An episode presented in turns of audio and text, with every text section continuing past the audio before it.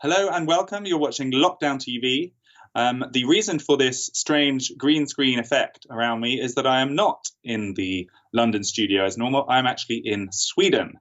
Um, and unfortunately, we are not able to join him in person today. Uh, but I'm lucky that we are joined today by Dr. Anders Tegnell. Dr. Tegnell, thanks for joining us.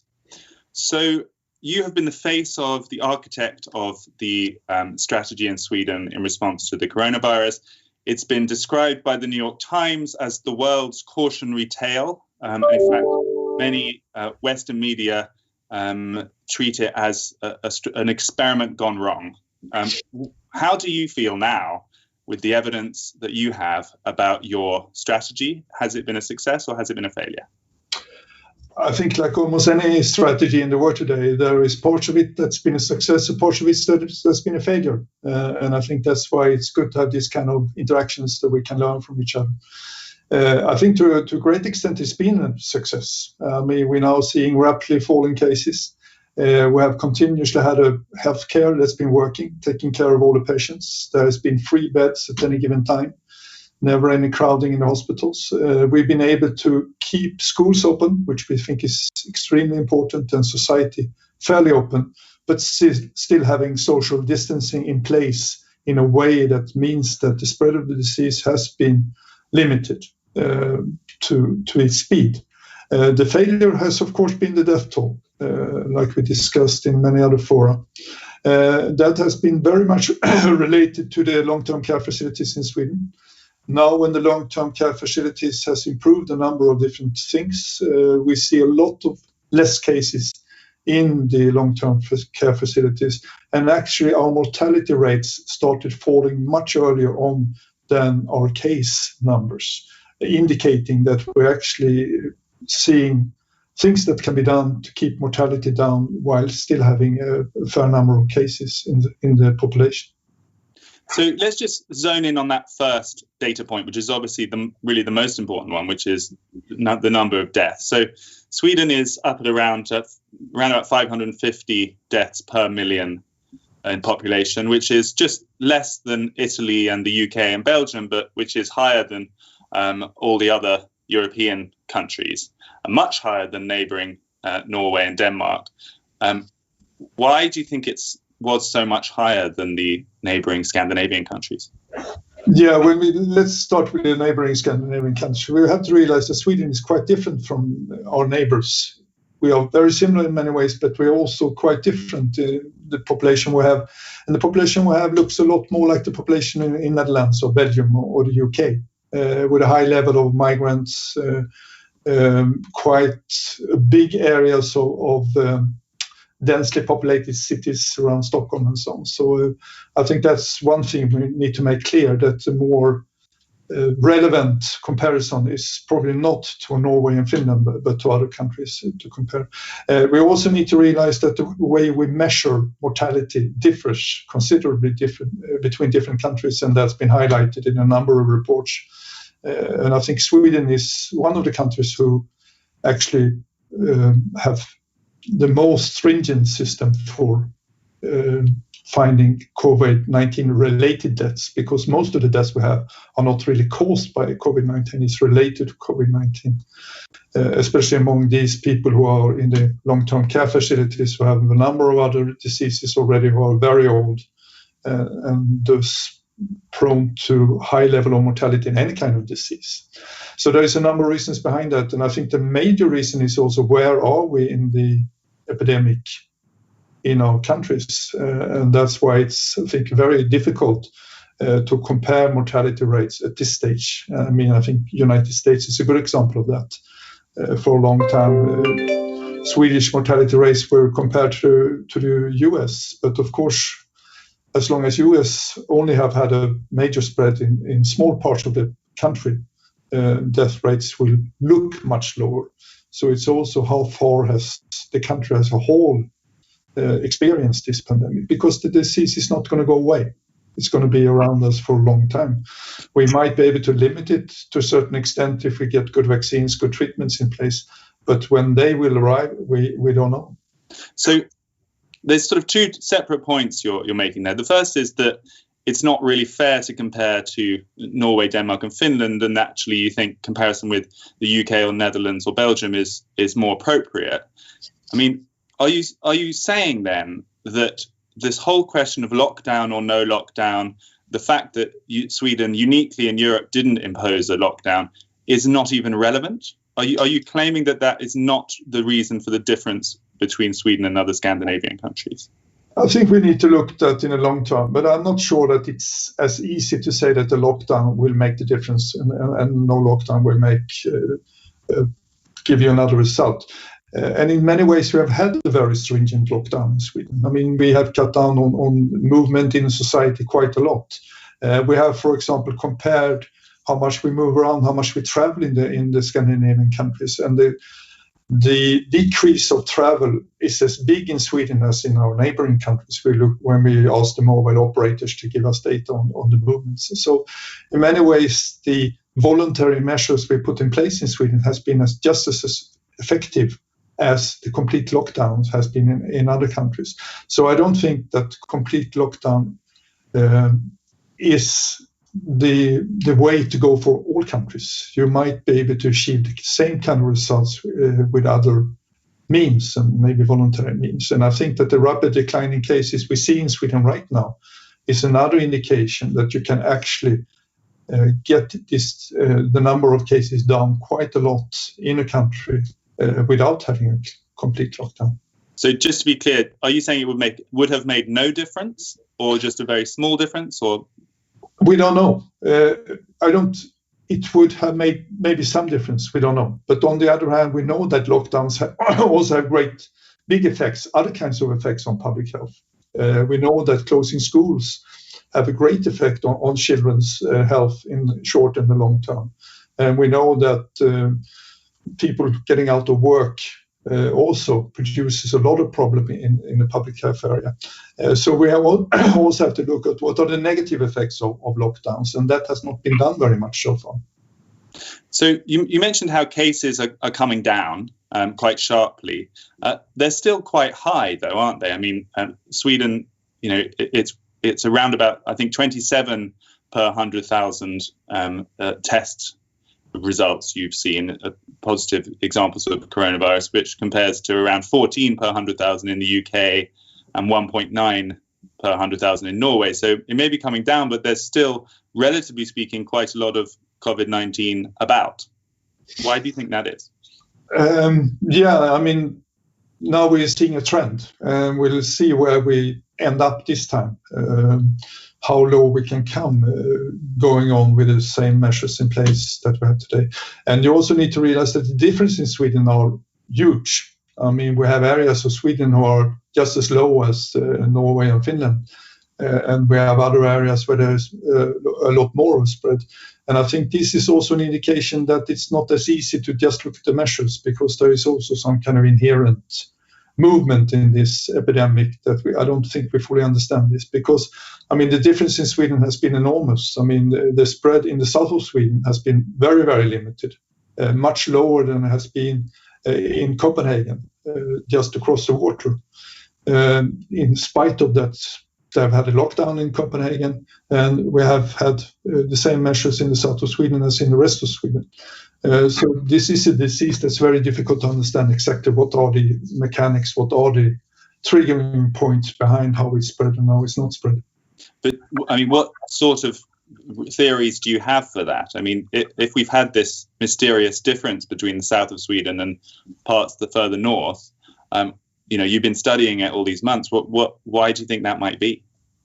I think there seems to be a close connection to how many people actually introduced the disease at the same time, uh, because there's a close connection between travel during the spring holidays in Sweden. Uh, the spring holidays in Sweden are spread over four different weeks, depending on different geographical regions.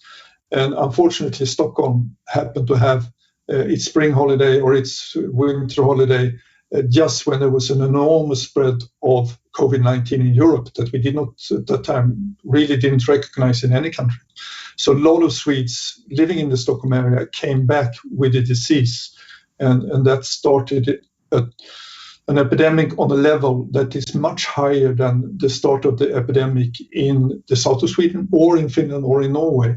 And currently, I think that's, to me, the most likely theory that if you have a massive introduction, then it's going to be a disease that's very, very difficult to control. So, actually, in that sense, Stockholm is more like London or New York or those kind of places. Exactly. So, um, if we have cases coming down and um, hospitalizations and deaths, I understand, are also coming down to very, very low numbers. In week 27, which was the last week recorded, there were two days with no intensive care hospitalizations at all, which hasn't happened since March. Um, you're coming down to these very low levels of hospitalizations and deaths, but cases are still relatively high compared to other European countries. What's your explanation for that? Because that seems like a real intuitively a bit of a mystery. How can you have still so many cases but so few serious cases? Yeah, I mean, on the whole, the, the sort of number of cases that we don't recognize with this disease is probably very, very big in any kind of setting. And, and most likely we have a, bigger spread in Sweden still. Uh, but it we don't quite understand. It could be that we have a spread right now in different age groups than we had in the very beginning. We can see that very clearly because we can also record that. I don't know if you've seen our weekly report. It's a very big difference between the start of the epidemic when we had a lot of spread in the elderly population. Now we have almost non, no spread in the elderly population, very few cases there. And that, of course, makes a huge difference uh, when it comes to death toll because death among the young are very rare.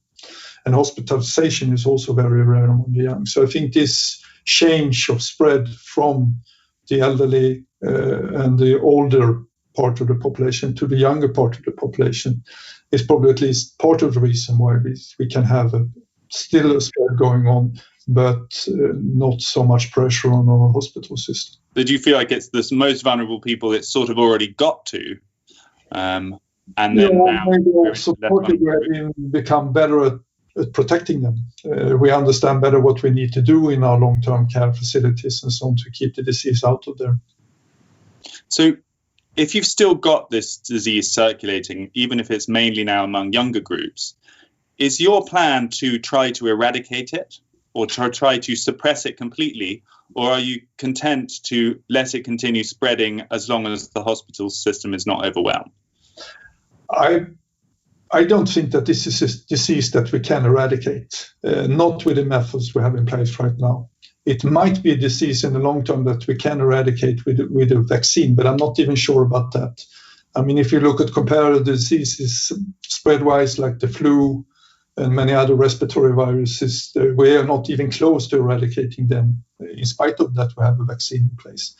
Uh, I, I personally believe that this is a disease that we're going to have to learn to live with uh, and exactly how it's going to be spread in the future, we'll have to see, and how much we can restrict that by vaccinating maybe especially vulnerable population if we have a good uh, vaccine in place and how we can limit the death toll and so on by, by better treatments than we have today.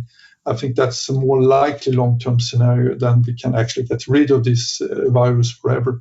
So that's never really been a clear goal. We want to suppress it as much as possible uh, with the, the measures we have in place, especially to, to protect our healthcare system.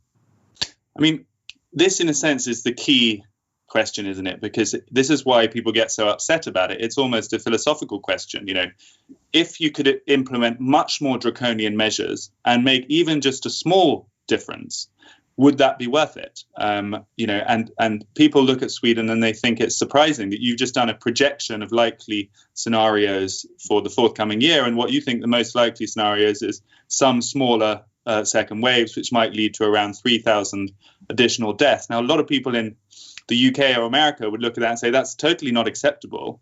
Um, you know, we need to do absolutely uh, draconian action to make sure that those 3,000 deaths don't happen.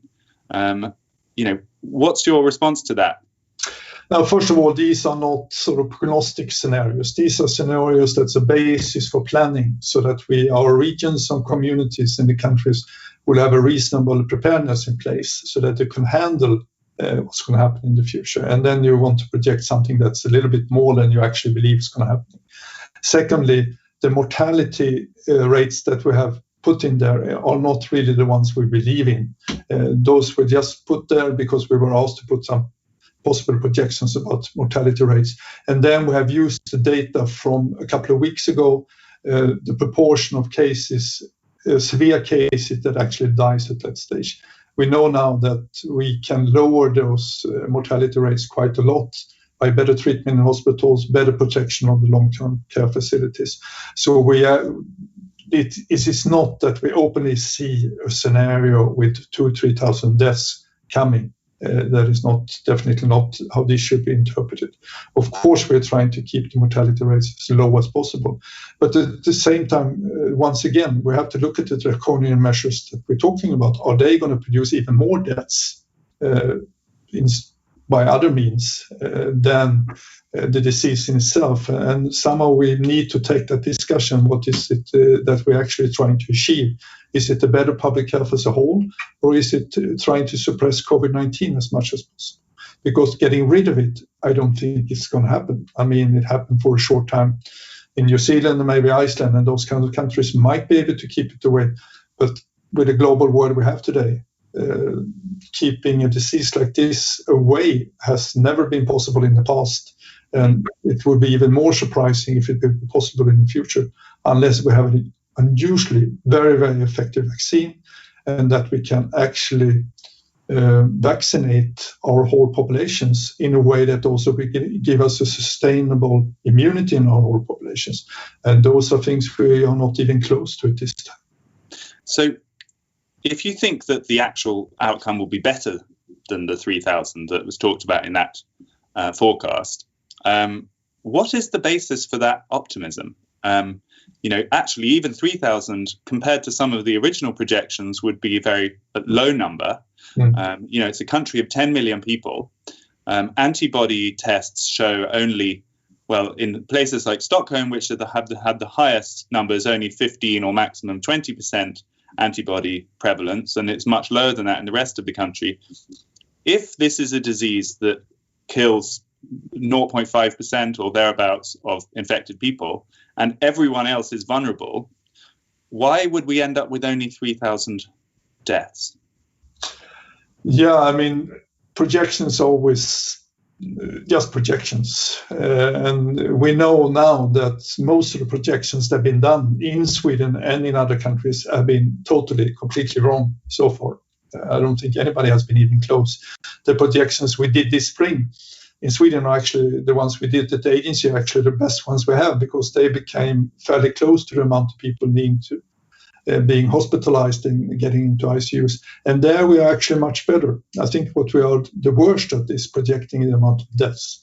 And to me, that says that deaths are not so closely connected to the amount of cases you have in the countries. There's so many other things that influence uh, the amount of deaths you have. What part of the population gets hurt? Uh, I mean, is it the elderly people? How well can you protect people in your in your long-term facilities? How well does your healthcare system continues to function? how can we improve the treatment in the ICUs? And all of these things have been changing quite a lot in these few months. Uh, our ICU clinicians say they are so much better at this right now at making people survive in ICUs than they were in the beginning, so they get much better results. And those things will influence mortality a lot more, I think, than uh, the actual spread of the disease. So, what do you think will be the um, infection fatality rate when when, when all is said and done? Yeah, difficult to say, but somewhere between 0.1 and 0.5 percent of uh, people getting infected, maybe, but it's very difficult to know. And that is not radically different from what we see with the yearly flu. Yeah. So we've talked about antibodies briefly, but I'd like to just focus in on that because that's also topic of a huge amount of speculation and inquiry. Are there other degrees? Are there other ways that people can become immune? Um, there was the Karolinska Institute report into T cells that suggested that maybe twice as many people develop T cells in response to a, an infection than antibodies. Um, what's your view of that whole controversy? Do you think that the antibody numbers underestimate the true number of people who have had the infection and that a larger percentage of people are actually immune? Yeah, I believe so. How big the difference is, I think we need to look more into, and I know there's a number of studies going around. But obviously, and, and there is a number of small studies already showing that people who had diagnosed COVID 19 with PCR, not all of them develop antibodies. On the other hand, we have a, quite a lot of evidence that falling in with COVID 19 twice uh, seems to be extremely rare. Uh, we have a very good system in Sweden to follow people on their personal identifier, and we have so far not identified one single case of somebody having uh, PCR positivity twice, with, which is actually two different uh, boots of the disease. So I think that's quite clear that after having the disease, you are immune to a very high level. For how long, we don't know anymore. But at least for these four or five months that we've seen so far, it seems like the uh, huge majority of the people uh, that had the disease are immune. Uh, and since we then we try to measure antibodies and we get fairly low figures, obviously there is also quite a big part of the population that has other kind of immunity, and T cell immunity is of course the one uh, most likely. Um, so definitely, I think there is a huge part, and and that makes what kind of what kind of size do you is your estimate here? If we uh, we haven't really made any estimates so far. What we see right now is a rapid fall of the number of cases, and of course, some kind of immunity in the population has to be involved in that because nothing else has changed, uh, and that means that the immunity actually affects this the the R value in Sweden quite a lot uh, today. Um, so, and we have found that it's very difficult also to measure immunity for this disease because it spreads so heterogeneously. Uh, when we measure some groups, uh, we get only a few percent people immune, and when we measure at another working place, we get up, up to 20, 25 percent. Uh, so it's it's also shown that are normal methods to, to get some kind of idea of the immunity in the population don't work very well with COVID 19. And part of the reason is, of course, that uh, a number of people seem to have an immunity without antibodies, but also because it's spread in such a heterogeneous way that you might have pockets of the population that are highly immune, but you have other pockets which have almost no immunity at all. And that, I think, also in the long term means that we need to be prepared for outbreaks in, in different pockets of our uh, population. And, and, that's another reason why we not, will not see this disease going away completely in the short term. So, if when those pockets come, or those second waves, or, or the resurgences come uh, later in the year or the beginning of next year, do you think Sweden will be better ready for them because of higher degrees of immunity than other countries that have had less infections so far? Yeah, yeah, I've got that question before. I, am trying to answer it, not to sort of say that we are we are better off completely, because of course we are also going to get hurt by it. But I think it's likely that those kind of uh, resurgence, those kind of outbreaks, will be easier to limit in Sweden because there is an immunity in the population. I mean, all our experience with measles and other diseases shows that. I mean, we have a we are getting into a similar situation as with measles that we're, we're going to have outbreaks, and we, we know that with a large immunity of, towards measles in a population, it's much easier to control the outbreaks than it is if you don't have an immunity in a population. And most likely that will also apply to this disease. So, do, does that mean we spoke to Johan Giesecke a, a couple of months ago? Do you agree with him then that the overall mortality numbers in a year's time might look quite different if you compare countries and that you think other countries are sort of going to catch up? Yeah, I think that's very difficult to know um, because this disease con- continues to, to su- surprise us. And uh, there is now a number of countries in Europe who have a fairly low level of spread for a very, very long time, which is very unusual with a disease that's so seems to be so contagious and where there's so little immunity in the population. And if that is really a sustainable uh, way for the disease to exist, uh, we'll wait and see. And I think the fall will be really show if it is possible or not, because then the environment and everything else will make the spread much easier and uh, we will see if the measures in place in different countries really can cope with that. I see someone's trying to fish you out. Let me ask you one final question, yeah. which concerns masks.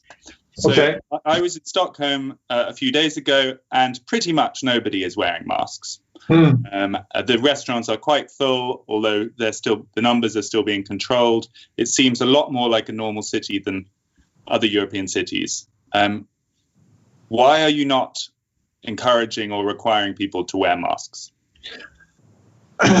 For a number of reasons. I mean, one reason is that the evidence base for using masks in society is still very weak. Uh, and even if more and more countries are now having enforcing them in different ways, uh, most times in very, very small areas, not in the complete society, uh, we haven't seen any new evidence coming up, uh, which is a little bit surprising, I I can say.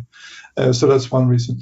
Uh, the other reason is everything tells us that keeping social distances is a much better way of uh, controlling this disease than putting masks on people. And we are worried, and uh, we get at least tales from other countries that people put on masks and then they believe uh, they can go around in society being close to each other, even going around in society being sick. Uh, and that, in our view, would definitely produce higher spread uh, than we have right now.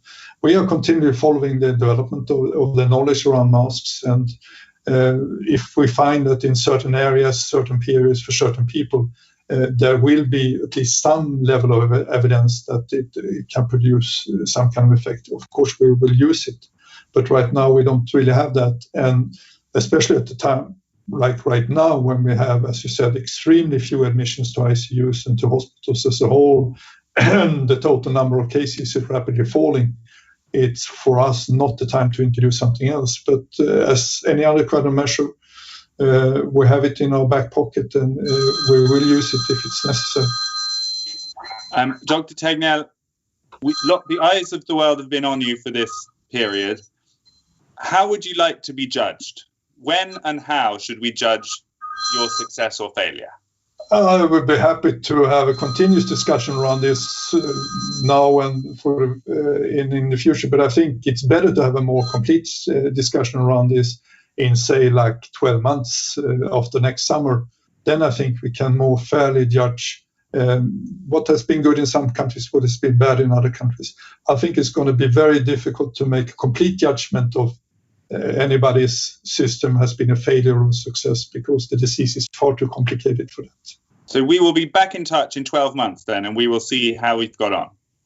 I'll be happy to look forward to that. Okay, thank you, Dr. Tegnell. Bye-bye. Bye. Okay, as you can see, Dr. Tegnell has to attend a press conference, is being physically dragged out of his office to go there.